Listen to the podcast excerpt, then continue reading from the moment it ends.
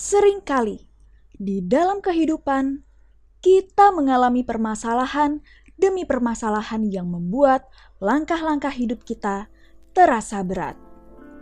Tidak jarang kita harus jeda sesaat untuk merefleksikan apa yang sudah terjadi agar kita dapat melihat lebih jelas sebelum beranjak melangkah kembali. Selamat mendengarkan Jeda Langkah Podcast.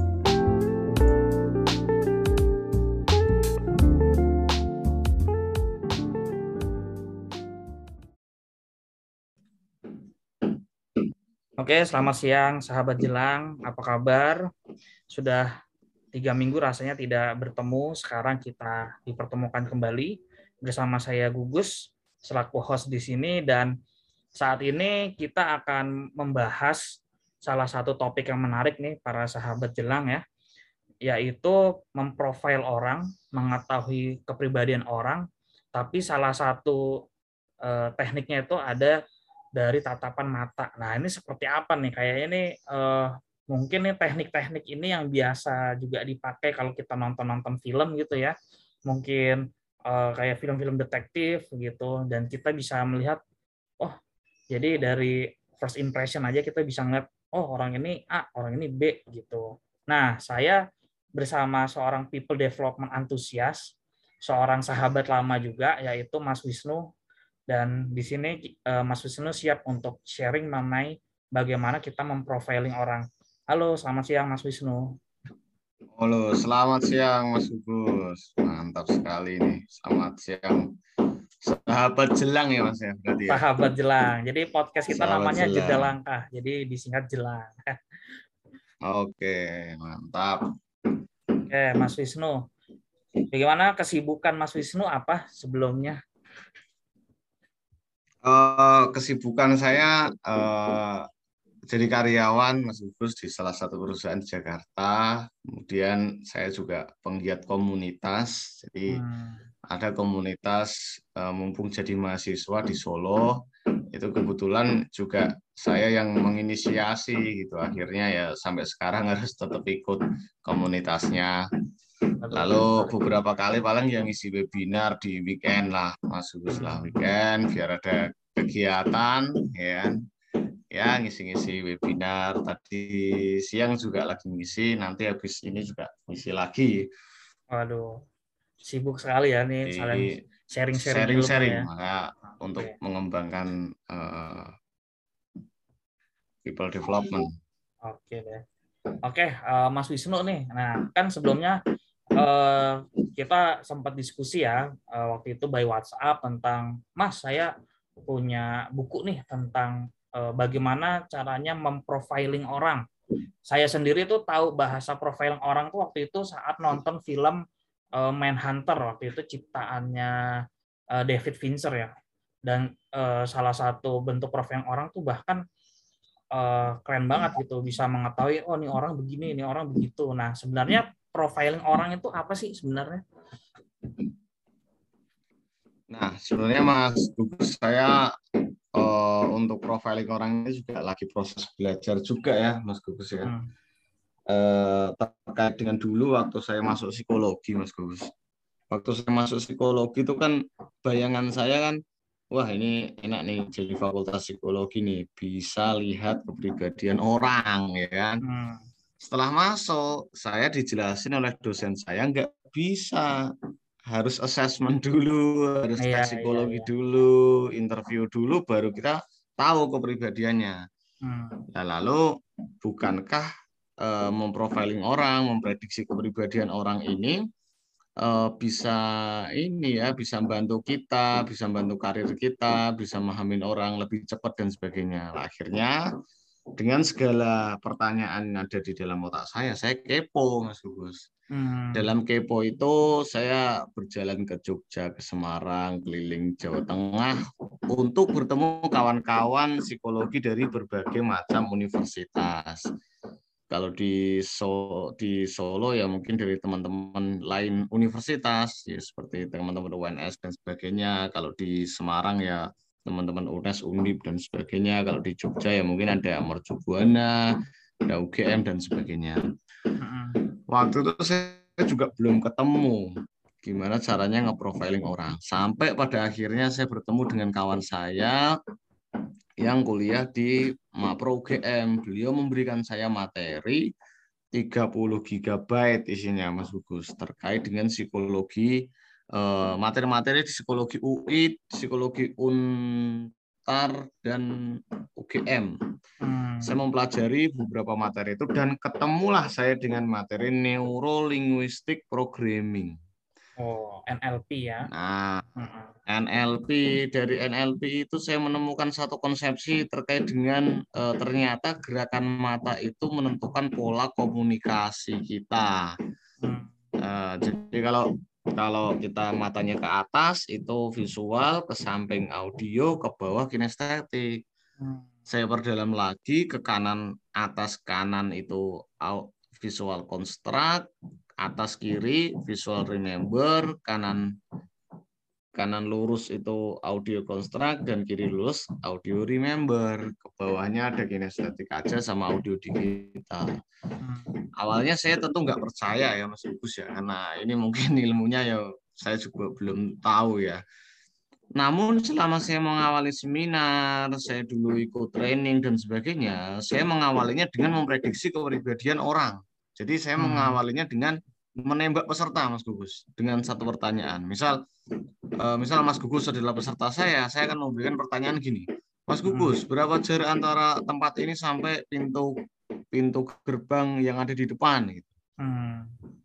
Nah, ternyata peserta saya itu kalau berpikir matanya bergerak. Hmm. Bergerak lurus atau bergerak ke atas. Akhirnya saya mencoba untuk uh, memprediksi. Mbak orangnya kayak gini, kayak gini, kayak gini, kayak gini, kayak gini, betul? Betul gitu. Akhirnya ke keterusan belajar untuk gimana caranya nge-profiling orang itu. Hmm. Nah, jadi berarti uh, profiling orang itu menjadi membantu kita bahwa ternyata orang ini tipe, ada tipe-tipenya ya gitu ya. Tadi ada tipe contohnya oh, kalau betul. lewat mata itu ada visual, ada audio, ada kinestetik begitu ya. Betul manfaatnya apa sih sebenarnya untuk kita nih mungkin yang awam banget sebenarnya uh, kita bisa memprofiling orang tuh manfaatnya apa sih?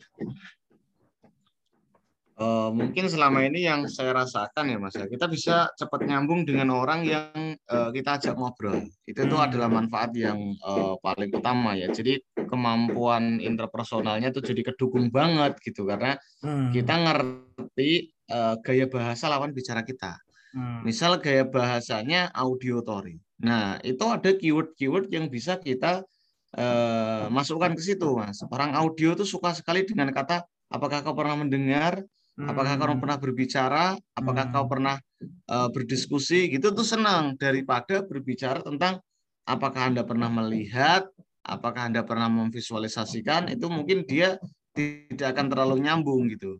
Hmm. Kalau kita ngajakin orang audio touring ngobrol, ya kita harus mengajak audio touring ngobrol dengan bahasa audio. Kalau kinestetik, kita dengan bahasa kinestetik. Dan kalau visual, dengan bahasa visual. Karena dasar teori ini, dasar teori NLP itu adalah orang menyukai orang lain yang mirip dengan mereka, Mas Gugus. Jadi sebisa mungkin waktu saya menggunakan teknik ini adalah sebisa mungkin saya uh, mirip aja. Gimana caranya saya bisa mirip dengan mereka gitu. Kalau dia hmm. audio ya saya pakai topeng orang audio. Kalau uh, lawan bicara saya visual, saya pakai topeng visual. Seakan-akan seakan-akan saya menjadi orang yang visual juga gitu. Hmm. Manfaatnya mungkin lebih kepada itu. Kalau kita bisa disukai orang lain, maka selanjut selanjutnya lebih enak lagi. Kita bisa manfaatkan ini untuk marketing, untuk penawaran produk dan sebagainya karena saya berulang kali membuktikan uh, bisa lolos tender. Saya sering sekali dulu Mas Gugus ikut tender pelatihan waktu saya masih jadi konsultan. Hmm. hmm. Dan berhasil karena karena menggunakan teknik ini juga gitu. Hmm. Jadi uh, saya memahami apa yang klien saya mau gitu dengan dengan pola pola ini gitu. Oke, oke, oke, oke, oke. Jadi kita bisa memprofil orang itu dengan dari gerakan mata itu manfaatnya jadi biasanya orang tuh lebih nyaman ya misalkan oh ini orang visual nih lebih nyaman mungkin kata hubungnya tuh dengan coba anda bayangkan gitu ya atau enggak coba Betul, anda betul, lihat betul. nih gitu kalau audio Betul. eh, coba anda apa dengar gitu ya atau enggak ngomong-ngomong kata Betul. orang lain gosip-gosipnya begini ya pak ya Betul, gitu betul. ya.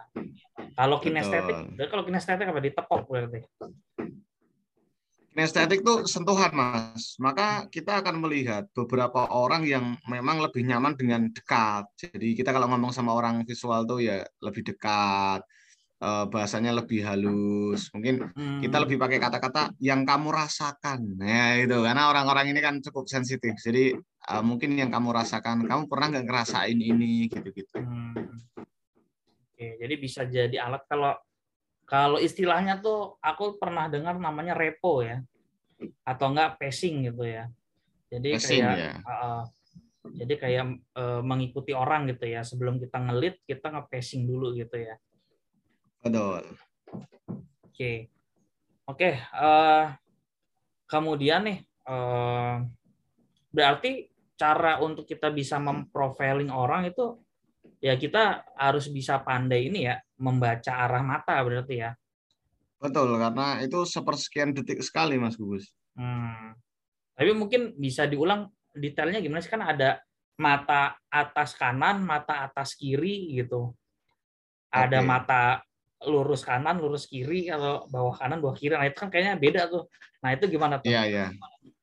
Eh, jadi kalau eh, atas kanan itu istilahnya kanan. visual atas kanan tuh visual konstruk Mas Gugus. Maka dulu kita sering dengar sekali orang bohong itu matanya ke kanan atas. Kanan atas. Padahal itu belum tentu bohong. Dia cuma mengkonstruk visualisasinya atau membuat sebuah visualisasi baru. Konstruk. Hmm. Jadi membuat bayangan baru. Misal kayak pertanyaan, eh, berapa jarak antara ruangan ini sampai Monas gitu kan? Dia belum Hmm. pernah ngukur, bayangin Hmm. belum pernah. Maka dia biasanya akan ke kanan atas untuk lihat dulu, bayangin kota Jakarta dulu, bayangin Monas, bayangin ruangan itu, bayangin jalannya. Tapi kalau dia pernah melihat, misal berapa jarak antara Monas sampai Gambir. Nah, kebetulan dia pernah lihat maps eh, terkait dengan jarak Gambir sampai Monas atau dia pernah lihat peta Jakarta, maka dia akan ke atas kiri karena Atas kiri. visual remember. Hmm. Jadi sudah ada di dalam eh, memorinya. Jadi dia tinggal remind rem- reminder aja gitu. Hmm. Nah, itulah yang membedakan kita untuk bisa lihat juga, Mas. Ini orang ini ngomongin sesuatu yang baru dia bikin, konstruk, sudah dia bikin, remember. Hmm. Hmm. Artinya kalau kalau dia eh, dia ke kanan kan ada indikasi bohong gitu, Mas Gus. Karena dia ngapain Hmm. bikin? Apakah kamu udah pernah mandi?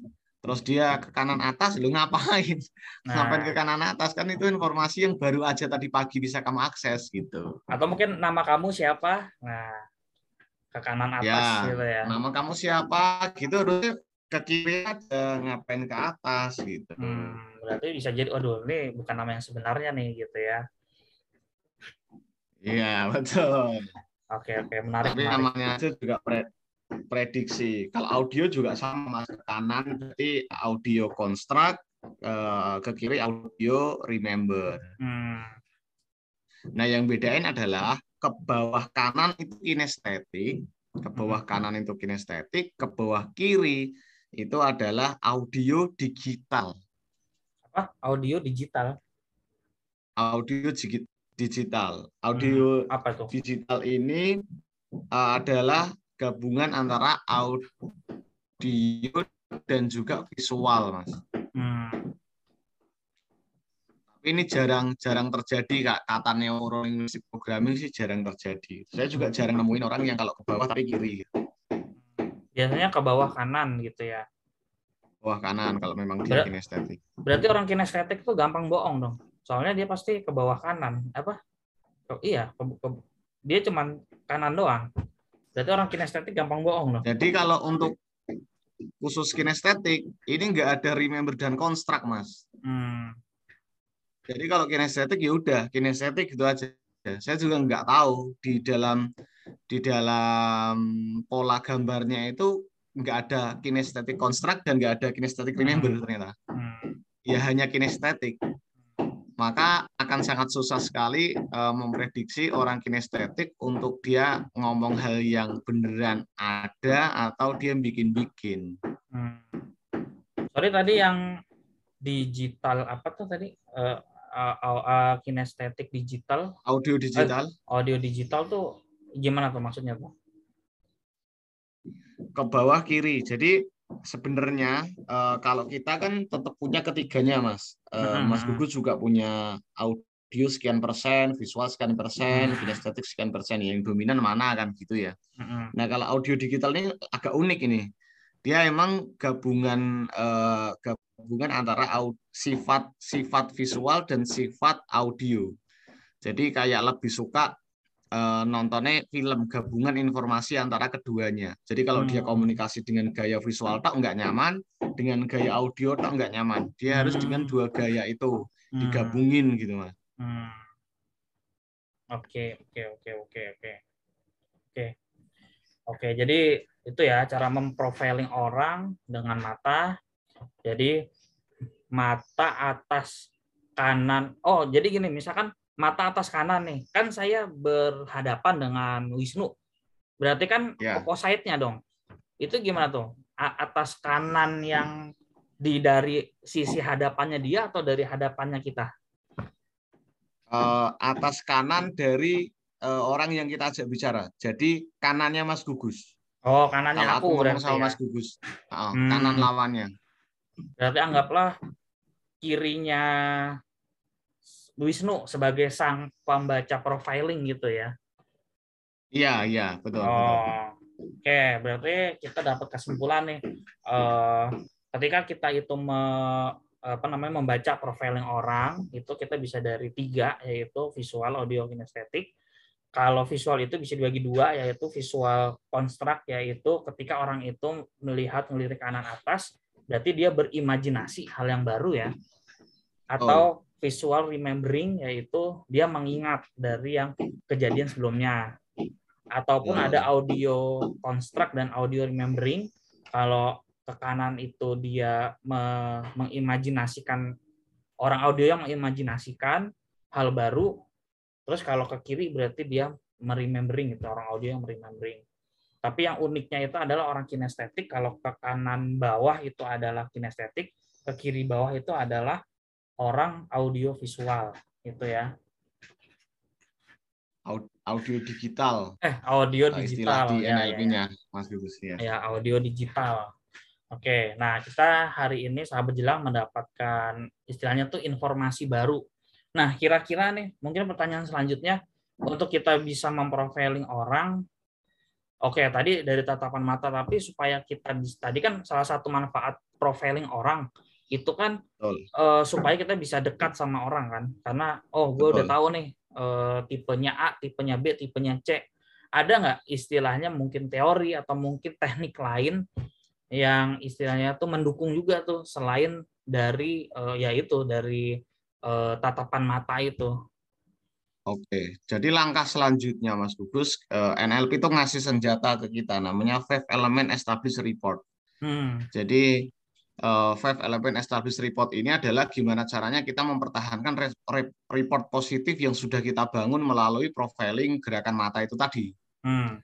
Nah, lima hal ini uh, sebenarnya semuanya sering kita lakukan, Mas Gus. Sangat sering kita lakukan.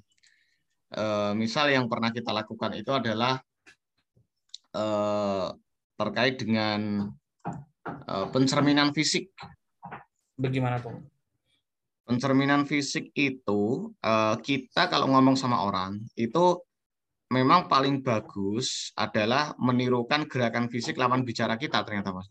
Hmm. Misal lawan bicara kita tangannya yang kanan di bawah, yang kiri eh, ada di saku. Nah, kita coba niruin aja 100%. Hmm. Hmm. Tapi memang jangan terlalu terlihat meniru gitu itu nanti ada salah satu uh, saraf di belakang otak kita yang akan bilang, "Hei, dia mirip aku," gitu ya. Hmm. Tadi kita di awal juga sudah singgung, uh, inti dari teori ini adalah orang menyukai orang lain yang mirip dengan mereka, mirip Hmm. gaya bahasanya dan sekarang mirip eh, pik anu cermin dia kita sebagai cerminnya dia Hmm. mirip gerakan tubuhnya kita mirip dia itu satu Hmm. Yang kedua adalah memiripkan tone timbre dan kualitas suara. Jadi Hmm. penyelarasan kualitas suara. Jadi kalau eh, kan kita misal orang Jawa gitu ketemu orang Medan gitu kan agak aduh ini orang ngomong kok keras banget gitu. Hmm. orang Medan pun lihat orang Jawa ini ngomong kok pelan banget gitu. Kalau orang Solo gitu kan orang ngomongnya pelan dan sebagainya. Nah itu sebisa mungkin kita mengetahui itu juga nada dan suaranya kita eh, samakan. Samakan, jadi penye- penyelamaan kualitas suara yang selanjutnya adalah penyelama penyelamaan big idea dan big picture mas Gugus ada dua Big tipe idea. Oke. Hmm. big idea adalah orang yang eh, langsung ngomongnya big idea pokoknya yang gede-gede dulu Hmm. yang optimis-optimis dulu. Aku pokoknya pengen jadi motivator. Caranya gimana? Nggak peduli. Pokoknya pengen gede dulu. Big idea. Beda sekali dengan big picture. Orang-orang yang ngomongin picture-nya dulu, detail-detailnya dulu, baru apa yang dia inginkan dulu. Aku pengen eh, jadi motivator. Yang aku siapkan adalah mulai hari ini aku ikut komunitas eh, training. Mulai hari ini aku setiap hari baca buku dan sebagainya. Itu itu big picture. Nah biasanya kita ketemu big- orang big idea, tapi kita menggunakan eh, pola big picture. Akhirnya kan Hmm. nggak nyambung lagi. Makanya kita harus mirip nih dengan lawan bicara kita. Selanjutnya adalah penyamaan pengelompokan informasi. Ini sering kita lakukan. Jadi kita sok-sokan memiliki referensi yang sama. Eh, misal, eh, Mbak, Masnya hobinya apa? Futsal. Nah, kita jadi pura-pura ngerti futsal. Mana Hmm. futsal Liga Indonesia ini ya? Eh, Hmm. barengan ya kita masuk final nih, tapi lawannya Thailand nih kayaknya, gitu-gitu. Hmm. Jadi penyelamaan pengelompokan informasi. Dan yang Hmm. paling sulit adalah yang terakhir, yaitu penyelam, penyamaan irama nafas. Jadi kalau sampai nafasnya pun bisa bareng, itu itu yang akan eh, jadi modal kita untuk mempengaruhi orang secara tidak sadar ya Mas. ya. Jadi komunikasi Hmm. terjadi di luar kesadaran kita. Jadi secara nggak sadar dia terpengaruh aja sama kita gitu. Nah, caranya adalah ketika dia ngomong, berarti dia sedang buang napas. Tolak Hmm. atau ukurnya gitu. Jadi kalau dia ngomong itu dia buang napasnya. Kita pas dia ngomong kita agak buang napas. Kalau dia berhenti pasti dia lagi hirup napas. Nah, kita niruin aja uh, irama napasnya. Itulah yang terjadi juga di public speaking. Kalau public speaking yang ngomong di depan itu ngos-ngosan, kita akan merasa tidak nyaman juga sama dia. Nah, kecuali dia kita santai, dia juga santai. Nah, itulah yang uh, bisa dijadikan uh, model berikutnya setelah kita memahami uh, pola apa yang bisa kita lihat dulu karena kan Hmm. kalau mata nggak perlu tanya kita bisa lihat dia Hmm. lebih banyak ke mana nih kalau lagi mikir gitu Oke. tapi kalau uh, selanjutnya kita bisa ada kesempatan ngobrol senjata selanjutnya adalah five element established report Hmm. Oke, penyamaan gerakan, penyamaan nada bicara, penyamaan Ya. eh, big idea atau big picture, eh, penyamaan informasi dan yang terakhir irama nafas ya. Jadi itulah cara untuk eh, bisa melakukan apa ya istilahnya tuh pacing ya tadi ya. passing Dengan- ya Kita bisa melakukan pacing. Oke, mungkin eh, jadi ini ilmu yang penting juga ya untuk marketing ya atau eh, apalagi kalau eh, marketingnya itu berada di tahap-tahap yang apa ya mungkin eh, marketing dengan eh, deal yang besar gitu ya kayak eh, project eh, atau mungkin ya biasanya kan project ya kan deal-dealnya besar gitu kan. Nah ini ilmu ini sahabat jelang bisa digunakan gitu ya dan ilmu ini masuk ke dalam teorinya NL NLP ya Neuro Linguistic Program ya. Betul sekali Mas Gugus. Saya juga waktu itu waktu masih kuliah Mas Gugus eh, di pasrai tender sekitar ratusan juta lah untuk untuk pelatihan eh, Bank Republik Indonesia. Dan waktu itu saya masih junior tapi diberikan kepercayaan oleh eh, CEO kami untuk untuk melakukan presentasi. Dan alhamdulillah sukses Mas Gus karena ya teknik-teknik itu tadi yang yang Hmm. saya gunakan waktu saya menjawab, saya di eh, dikasih pertanyaan, dikasih penawaran oleh para para direksi Bank BRI waktu itu. Hmm. Nah, seandainya saya tidak memahami materi ini, mungkin saya juga sama ya kan, sama seperti marketing lainnya yang Hmm. cuma nyampein kelebihan kelebihan trainingnya apa, hal yang mau di dapat apa kan gitu aja Mas. Tapi tidak memperdulikan hal-hal non teknis yang sebenarnya ini bisa jadi pendukung banget gitu. Hmm. Dan mungkin juga teknik-teknik ini bisa dipakai untuk kita mengenal tim kita. Mungkin ada satu masa kita posisi kita tuh sudah nyampe ke level manager nih. Lalu kita punya anak buah 6 gitu ya. Itu juga bisa ya dipakai gitu ya. Untuk kita mengenal, untuk ngedevelop orang juga gitu ya. Betul sekali Mas Gugus. Karena saya juga karena saya founder sebuah komunitas ya Mas Gugus ya. Saya ini founder komunitas mumpung jadi mahasiswa yang mana sekarang membernya mungkin sudah ratusan dari berbagai universitas. Maka saya juga harus dipaksa memahami orang-orang yang ada di sana, timnya ada apa aja dan saya bisa harus harus secepat mungkin. Misal kita ekspansi, kita ada bahasa namanya ekspansi Mas Gugus.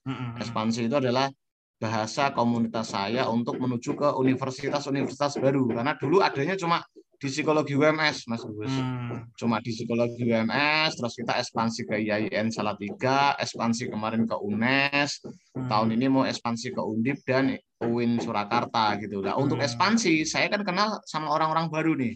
Ketemu sama mahasiswa-mahasiswa baru yang nggak kenal kita sama sekali. Nah, gimana hmm. caranya mereka yakin sama kita, mereka mau gabung komunitas kita. Gitu-gitu hmm. sih. Kepakainya di area itu, Mas Gus. Oke. Oke, Selamat datang nih Mas Tiawan yang baru join. Mungkin ada pertanyaan Mas Tiawan. Ini langsung dari klinik. Oh ya, mungkin satu lagi berarti cara memprofiling orang itu juga bisa tuh dipakai untuk supaya kita tuh bisa mungkin mendapatkan pasangan gitu ya. Mungkin yang lebih luas gitu ya mendapatkan pasangan atau mungkin supaya uh, kalau kita sudah punya pasangan dan kita udah berkeluarga tuh supaya uh, komunikasinya makin harmonis gitu ya. Betul, betul sekali Mas uh, Gugus. Karena biasanya ya kita uh, kalau orang berpasangan relationship itu yang yang sering terjadi adalah beda pandangan dan beda tipe gitu ya. Hmm. Uh, saya pernah saya sebagai audiotori gitu ketemu orang visual. Orang visual itu kan jaga penampilan, dia apa-apa ini kan mas rapi dan sebagainya sedangkan hmm. orang audio seperti saya mungkin nggak terlalu rapi dan cuek dengan penampilannya dia cerewet banget kamu hmm. harus pakai ini pakai ini pakai ini gitu mas Gus nah itu hmm. yang mungkin yang kalau kita nggak paham ya itu akan jadi sebuah masalah yang besar tapi kalau kita saling memahami pola komunikasinya memang uh, dia gerakan matanya ke atas so berarti emang emang sering pakai gaya komunikasi visual ya udahlah hmm. kita harus saling memahami aja dan kalau untuk PDKT itu sangat bermanfaat sekali apalagi elemen establishment tadi Mas Gugus ya. Hmm. Saya kalau sering ngisi webinar psikologi cinta itu saya pakai itu. Itu kas, bahasa kasarnya adalah 21 hari menaklukkan calon pasanganmu. gitu. Tapi tekniknya pakai five elemen establishment. Coba kasih bocoran dong. Coba kasih bocoran dong. Kisi kisi kisi kisi mungkin bagi mereka yang masih mencari pasangan nih mungkin mungkin. Para pendengar kita soalnya ada yeah. ada apa dari berbagai apa uh, golongan. Cik, ngomongin golongan lagi ya. Ada yang sudah berpasangan menikah ataupun masih belum berpasangan nih. Gimana? Ada kisi-kisinya gak nih mas? Dengan metode Mantap. passing ya. Uh, passing ya. Tadi kita sudah bahas uh, agak sedikit panjang Mas Dewan tentang five element established report tadi. Eh, mungkin teman-teman bisa ulangi lagi tekniknya itu sama ditambah teknik yang di psikologi itu sering di ini diteliti ya tentang pengondisian perilaku Mas Gugus. Behavioristik oh, ya, pengondisian perilaku. Conditioning. Jadi eksperimennya kan tentang anjing ya Mas ya. Anjing yeah. dikasih daging, dia datang kasih daging, kasih lonceng, dia datang selanjutnya kasih lonceng tak, dia datang dikiranya daging. Nah, sama kalau mau PDKT sama orang, pakai teknik itu, pakai teknik pengondisian perilaku. 21 hari dikasih uh, stimulasi yang dinamis. Jadi cinta itu nggak boleh statis katanya. Jadi hmm. stimulasinya harus dinamis. Ya, stimulasi dinamis itu hari ini kasih seneng, besok kasih sedih, besok kasih kecewa, besok kasih penasaran dan sebagainya. Dan saya sudah mempraktekannya berulang kali ya. Gitu sampai bisa bikin buku Pak Setiawan Mas Gugus sampai bisa buku, bikin buku namanya ungkapan alam bawah sadar itu adalah teknik-teknik laki-laki untuk menaklukkan perempuan nah waktu itu saya 21 hari itu hari pertama biasanya saya lakukan dengan uh, cara ngomen jilbab gitu ya. Hari ini jilbabmu kayaknya nggak pas gitu. Ya.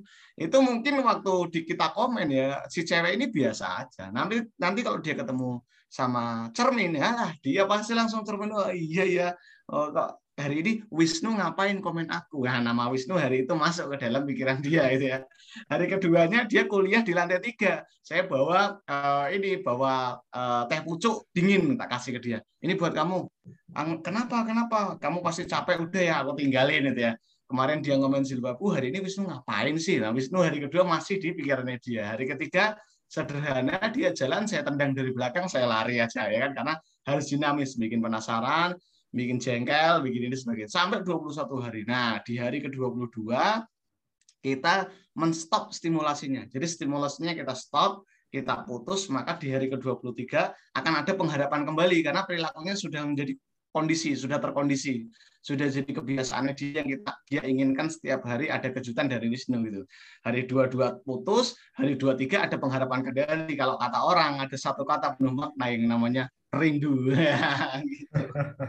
jadi jadi uh, saya uh, sering Mas Gugus ngolek-ngolek uh, riset tentang psikologi yang bahas cinta kayak Oedipus kompleks dan sebagainya. Gitu. Hmm. Mungkin nanti ada di tema selanjutnya. Iya. Okay. Oedipus kompleks itu teorinya Jung ya. Ya, ya, Oedipus kompleks. Filmnya, filmnya itu adalah A Dangerous Mind. Oke. okay. Oke, mungkin uh, terima kasih Mas Wisnu. Uh, terima kasih nih Mas Setiawan juga mau ikut gabung.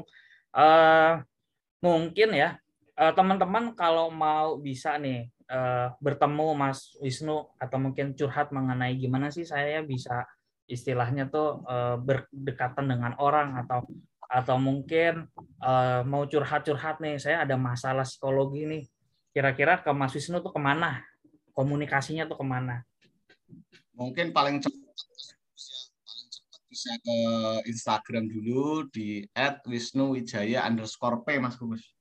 Wisnu Wijaya underscore p. Ya. Oke.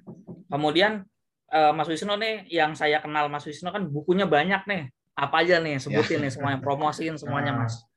Atau ya, di buku ada seminar terdekat ya. Iya betul Pak. Uh, yang pertama itu buku tentang mahasiswa, perjuangan mahasiswa. Jadi judulnya Mumpung Jadi Mahasiswa, Mas Kubus. Uh, itu adalah cerita tentang komunitas kami. Jadi komunitas kami itu banyak sekali orang yang masuk ke universitas swasta, mereka putus asa, tapi setelah mereka ketemu dengan komunitas kami, mereka menemukan makna hidupnya sebagai seorang trainer. Nah, hmm. di sana banyak sekali insight-insight yang mungkin bisa didapatkan dari orang yang putus cinta, jadi bisa move on, dari orang yang mau bunuh diri, jadi bisa produktif, dan sebagainya. Banyak sekali kisah inspiratif di buku itu. Judulnya Mumpung Jadi Mahasiswa. Itu saya tulis dengan teman-teman saya, jadi nggak saya tahu penulis tunggalnya. Kemudian buku kedua yang sudah cetak adalah Ungkapan Alam Bawah Sadar. Ungkapan Alam Bawah Sadar adalah kisah nyata saya dengan perempuan-perempuan yang pernah bersama saya di masa lalu. Uh, agak sedikit agak sedikit kayak novelnya Firsa Bersari. Jadi agak sedikit hmm. sastra-sastra gimana gitu. Jadi di sana uh, cerita tentang bagaimana sudut pandang seorang laki-laki menanggapi patah hati. Jadi ingin menyadarkan para perempuan bahwa yang tersakiti bukan hanya perempuan, tapi laki-laki pun juga tersakiti juga. Hmm. Kemudian ada buku saya e-book uh, electronic book uh, judulnya Mahami. Ini isinya adalah uh, tentang full profiling terkait dengan nge-profiling orang tadi dengan beberapa tes-tes psikologi dari Jepang, Mas Gugus. Kalau Mas Gugus hmm. pernah pernah dengar ya. Jadi ada Apa tes psikologi dari Jepang, kokologi, hmm. Mas. Oh, kokologi. Oke, oke. Okay, Kokologi. Jadi ada 11 pertanyaan untuk mengetahui siapa mantan terbaikmu. Gitu ada di e-book hmm. itu, ada e-book. E-book Mahami Mahami Book itu adalah uh, rangkuman buku terkait dengan cara nge-profiling orang dan sebagainya. Kemudian ada buku motivasi lagi e-book dari saya uh, terkait dengan uh, mendapatkan 100 juta pertama dari public speaking.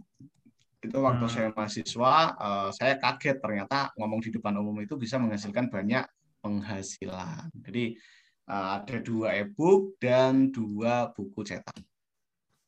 Hmm. Oke, okay. uh, eh, terima kasih Mas Wisnu. Mas Wisnu. Eh, ya, boleh ya. nanya sedikit gak ya? Nah, Mas, misalkan kalau silakan, profiling itu uh, sebenarnya uh, sebenarnya bisa nggak ya misalkan kalau kita ini untuk uh, kita terapkan kepada anak kita?